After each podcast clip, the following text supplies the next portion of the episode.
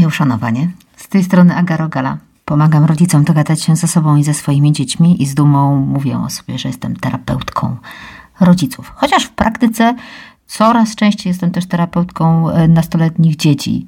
No ale może na tym polega rozwój zawodowy. Dzisiaj chciałabym rzucić taki temat na tapetę, który naprawdę w 100% wypłynął e, ze spotkań, jakie miałam w sumie w tym tygodniu, no ale oczywiście, że myślmy też szerzej w poprzednich gdzieś tam miesiącach, tygodniach, w trakcie rozmów z parami. A chodzi o rozmowy. I pomyślałam sobie, to tak, wiesz, to wypłynęło naprawdę w trakcie, w trakcie rozmowy z tymi parami, że są takie dwa typy rozmów. Takie rozmowy poważne i rozmowy, i teraz szukam dobrego słowa, które zastąpi mi e, hasło pod tytułem Rozmowy o dupie Maryni. Jako, że to seksizm, to może rozmowy o drobiazgach, o pierdołach, o, mm, o sprawach nieistotnych. To mi pasuje najmniej, wiesz, jak powiem, że to są rozmowy o sprawach nieistotnych, bo zdaję sobie sprawę, że wcale tak nie jest. To wcale nie są sprawy nieistotne. Ale do rzeczy. Widzisz, Chciałabym to rozróżnienie zrobić, żeby Ci pokazać pewne takie zależności, pewien ciężar gatunkowy tych rozmów i pokazać, dlaczego oba te typy są ważne, a może nawet nieoczekiwanie trochę ważniejszym typem jest ta rozmowa o pierdołach. Otóż, rozmowy te uważane za mnie istotne, te takie, wiesz, takie w przelocie, te takie chwile w kuchni, jakieś, jakaś chwila przy stole, przy kończącym się posiłku, a może na przykład e, gdzieś tam przysiągnięcie razem na sofie. To jest niby takie nic i można by zrobić w tym czasie milion ważnych spraw. Można w tym czasie na przykład nastawić pralkę albo rozwiesić pranie. Można pościerać blat ze stołu i wstawić zmywarkę. Można poskrolować trochę reelsy na Instagramie. Można sobie zagrać w jakąś grę i przez chwilę się odmurzyć, albo obejrzeć, e, to już ta dłuższa e, rozmowa, e, jakiś serial nie? na Netflixie. Wszystko to w ogóle będzie A potrzebne, B relaksujące, C kurde cały dzień nie ma na to czasu i wreszcie można się tym zająć. Więc po co, po co poświęcać czas na nieważne rozmowy? Na takie rozmowy o widziałam dzisiaj w internecie, że coś tam. Albo słuchaj, a ty słyszałeś, że coś tam? Albo wiesz co, u mnie w pracy to ostatnio coś tam. Albo nie wiem, opatrz jaki fajny obrazek znalazłem. Takie, wiesz, o wszystkim i o niczym. Ale to jest ważniejsze niż nam się wydaje. Dlatego, że prowadząc takie rozmowy, które nie dotyczą tylko spraw organizacyjnych lub poważnych problemów, jakie nas dotykają, kryzysów czy punktów spornych, takie rozmowy sprawiają, że my nie mamy firmy dom wyłącznie, ale my jesteśmy takimi towarzyszami w swoim życiu. No tak to trochę miało być w założeniu, nie? że umówiliśmy się, że razem idziemy tą drogą, a zatem nie robimy tylko takich super ważnych rzeczy, wielkich, milowych kroków i punktów po prostu na życiowej mapie zaznaczonych wielką kropą, ale że ta droga składa się z bardzo wielu drobnych kroczków i je też robimy razem. Te małe kroczki i te małe rozmowy o takich bieżących sprawach, o takim, e, takich kwestiach w stylu, co tam u ciebie, jak minął ci dzień, jak się czujesz. Przypomina mi się, jak pierwszy raz pojechaliśmy na rocznicę, e, na taki wyjazd rocznicowy razem z mężem. To była szósta rocznica ślubu.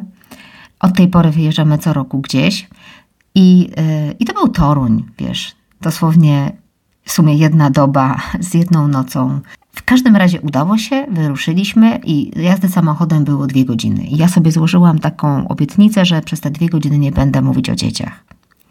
Chwała Bogu, miałam dwa kilo czereśni i było co zrobić z ustami. Bo nie było prosto. Nie było prosto porozmawiać o czymś, co nie dotyczy dzieci, co nie dotyczy y, takiej, takich właśnie tematów rodziny naszej, tylko takiego coś między nami. To się gubi.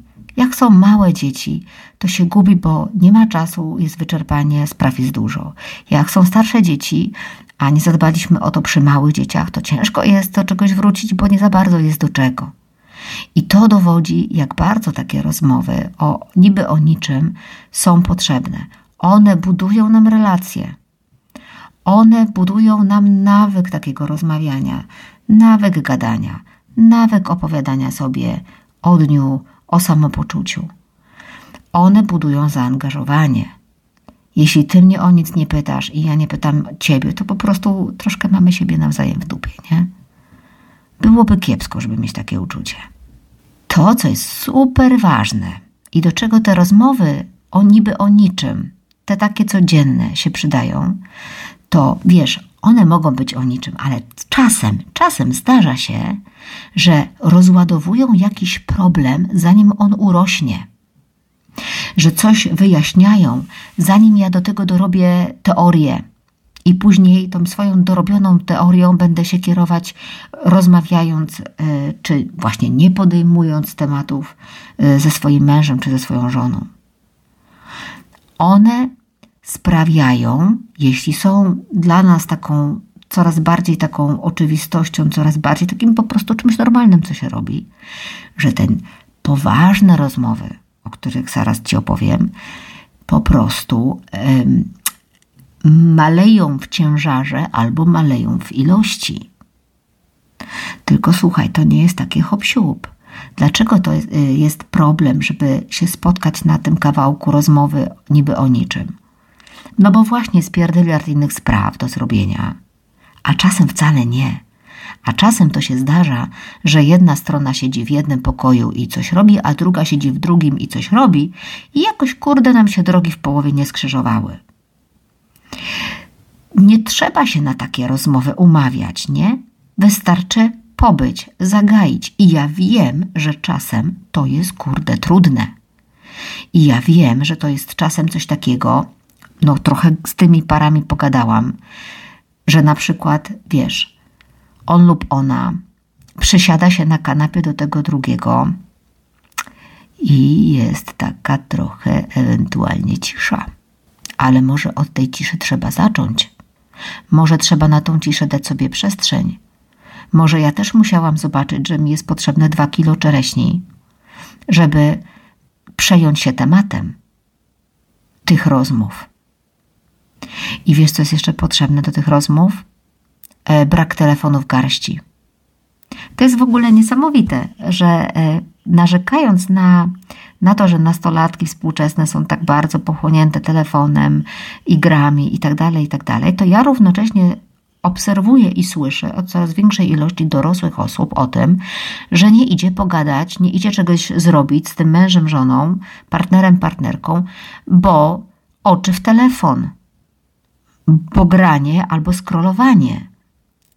No, hej, to są prawdopodobnie te same osoby, które zrzymają się właśnie na nadużywanie komórek przez dzieciaki. Nie może być wtedy telefonu w garści, bo to jest ucieczka, wybieg i konkurencja. Naprawdę bardzo, bardzo warto zwrócić na to uwagę. Czemu? Bo mamy jeszcze poważne rozmowy te rozmowy, słuchaj, e, o, mam taki problem. I to, jak to się tak zaczyna, to jest w ogóle dobrze, nie? Jak to się słucha, mam taki problem, tak sobie siądziemy, tak się, sobie przyjrzymy się temu tematowi z boczku. Tak się robi to prawidłowo, ale zazwyczaj poważne rozmowy są pełne pretensji, wyrzutów, trudnych emocji, są czymś, co narastało, a więc zrobiło się już solidnie ciężkie, dobrze do, dokarmiony problem, brakiem rozładowywania go wcześniej. I to, co mówią y, małżonkowie, co się pojawia przy okazji tych poważnych rozmów, które nas czekają, wtedy to dopiero ciężko się spotkać. Wygospodarować czas, kiedy, jak, na to, żeby był była energia, była przestrzeń i był czas na poważną rozmowę, żeby nam się chciało, żeby obojgu się chciało, żeby nikt nie był tak zmęczony, wyczerpany, że po prostu e, myśl o poważnej rozmowie już sama w sobie jest wykańczająca. Poważne rozmowy to jest coś, czego można chcieć uniknąć. W sensie ja tego nie usprawiedliwiam, tylko ja to rozumiem, bo można się bać tych rozmów. Można się bać, że jest się ciągle do poprawki i znowu się usłyszy zarzuty wobec siebie.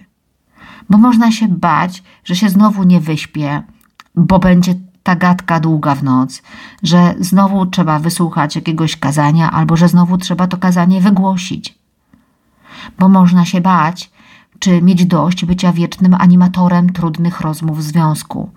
Bo często jest tak, że albo może nie wiem czy często, ale bywa i tak, że jakby z tej dwójki partnerów, to to jedno to jest od tego poruszania właśnie tych trudnych spraw, od tego, wiesz, pokazywania palcem ej, no ale tu jakby zgrzyta. Kurde, można mieć dość być wiecznie tym mądrzejszym i tym bardziej wyrozumiałym i tym szukającym odpowiednich słów na to, żeby ubrać temat tak, żeby kurde nie zrazić, nie skrzywdzić, opowiedzieć o sobie, dowiedzieć o tej drugiej stronie, co ona czuje, jeszcze znaleźć jakieś wspólne rozwiązanie. Można nie mieć ochoty na poważne rozmowy, bo się wtedy po prostu uruchamia wywracanie oczami i Boże, czy to jest naprawdę problem, czy naprawdę musimy nad tym siedzieć i to roztrząsać. Można chcieć tego unikać. Można się bać oceniania. Można się bać samego konfliktu. Jeżeli dla przykładu jedna strona y, ma takie doświadczenie na przykład z dzieciństwa, że trudne rozmowy, inaczej, że nie, nawet może nie, że trudne rozmowy były, tylko że nie było rozmów z, pomiędzy rodzicami takich, tylko były, były kłótnie. Można się bać kłótni, konfliktu. Bo ja dobrze, na przykład, na przykład nie, dobrze pamiętam jako dziecko, że nie wiem, tłuk, tłuczone były talerze, albo e, rodzice na siebie wrzeszczeli, albo czułam zagrożenie, albo bałam się, że się rozwiodą, albo e, któreś z nich się obrażało, czy było jakoś niedostępne emocjonalnie. Niby było w domu, ale, ale jakby go nie było, bo może były ciche dni, których się nie dało żyć, jak się było dzieckiem. Więc mogę się bać tego konfliktu. Niestety nie możemy sobie obiecać, że nigdy nie będzie tych poważnych rozmów, ale możemy sprawić, że może będzie ich trochę mniej, albo one będą trochę lżejsze, bo my po drodze zaopiekujemy się tym związkiem, bo my go po prostu zwyczajnie będziemy karmić. A, my nie, a związek to nie jest, wiesz, wielbłąd, który się musi napić raz na jakiś czas i tam sobie dużo zgromadził i, i tak, wiesz, sunie przez pustynię to jest, związek musi być stale dokarmiany małymi porcjami różnych rzeczy. Małymi porcjami rozmów, małymi porcjami dotyku, małymi porcjami y, wspólnego czasu, małymi porcjami wzajemnej pomocy. Tym się karmi związek. Kiedy, jak? Kurde, przecież dużo łatwiej jest, mijając się w kuchni, powiedzieć trzy zdania, niż umówić się na poważną rozmowę na wtedy, jak dzieci będą spały, na przykład, tak? Łatwiej jest, łatwiej tak rozładowywać. Pytania o to, co o tym myślisz, jak minął ci dzień, jak się czujesz, co tam dobrego, a jak ci poszło z tym czy tamtym wyzwaniem, a co w końcu z tą twoją znajomą, która. A jak skończyła się ta historia, o której ostatnio było opowiadane? Zagajanie, zapytanie.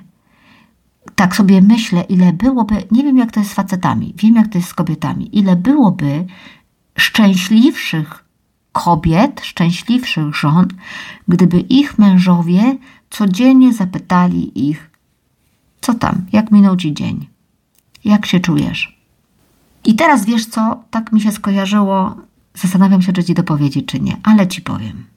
Jak nagrałam taki filmik na Instagram, e, taką rolkę o mówieniu o tym, czego się potrzebuje, o mówieniu o czułości w związku, że na przykład potrzebuję tej czułości, to był nie jeden komentarz o tym, że jeżeli trzeba mówić o takich rzeczach w związku, to znaczy, że nie ma związku, że nie ma miłości, bo to są rzeczy oczywiste, które po prostu są.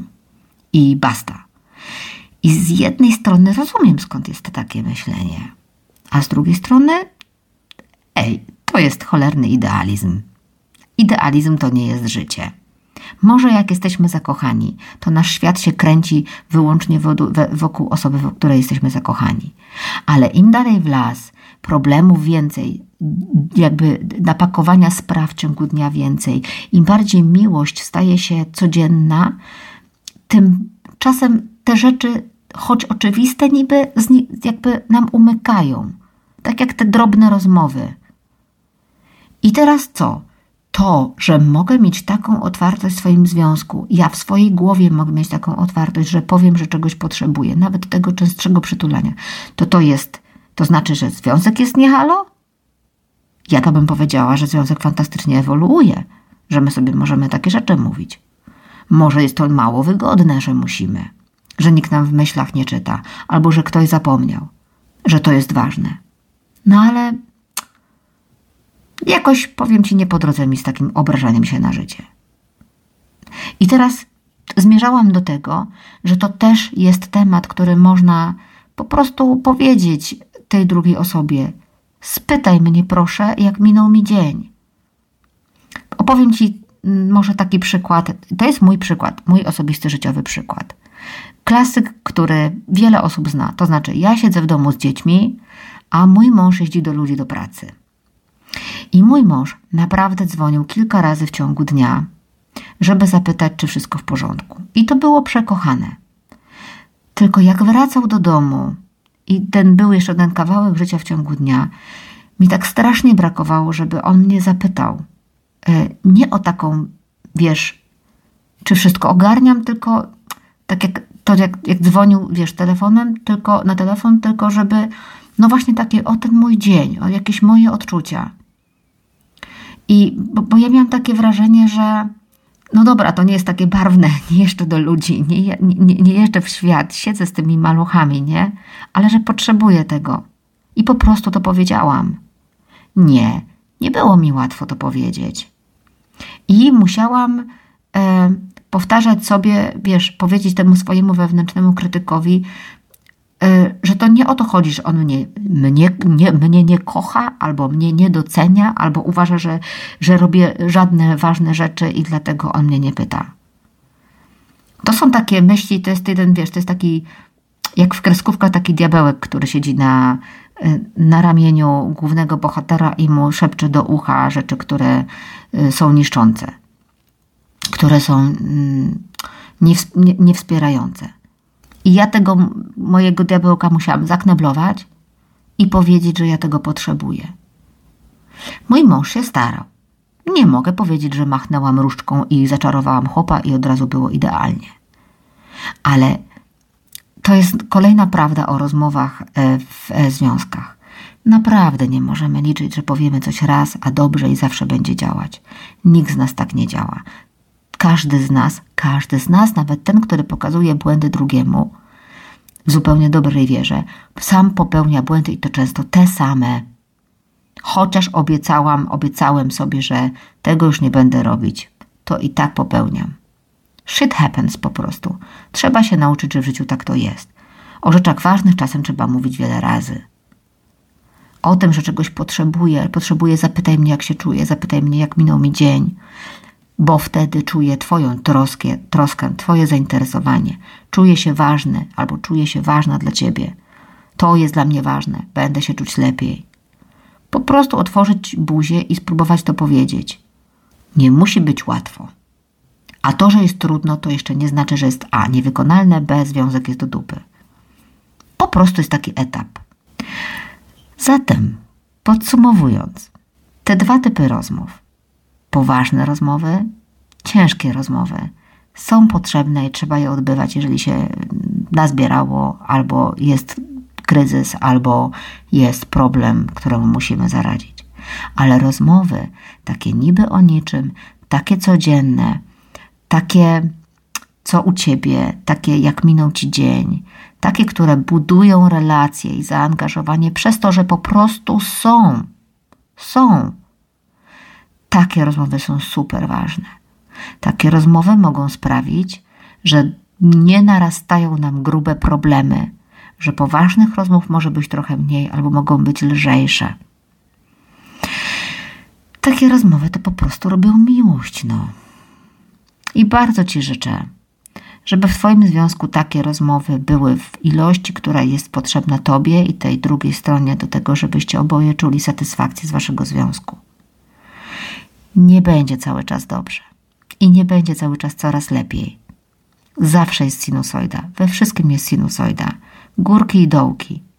Musimy tylko wiedzieć, że oczy mamy otwarte na to, że wyłapiemy, czy kurs jest właściwy. Jaki mamy kurs? Na co mamy kurs? I tego kursu się trzymać. Bardzo Ci tego życzę. Wszystkiego dobrego. U mnie już późno, więc przy okazji dobranoc. Pa.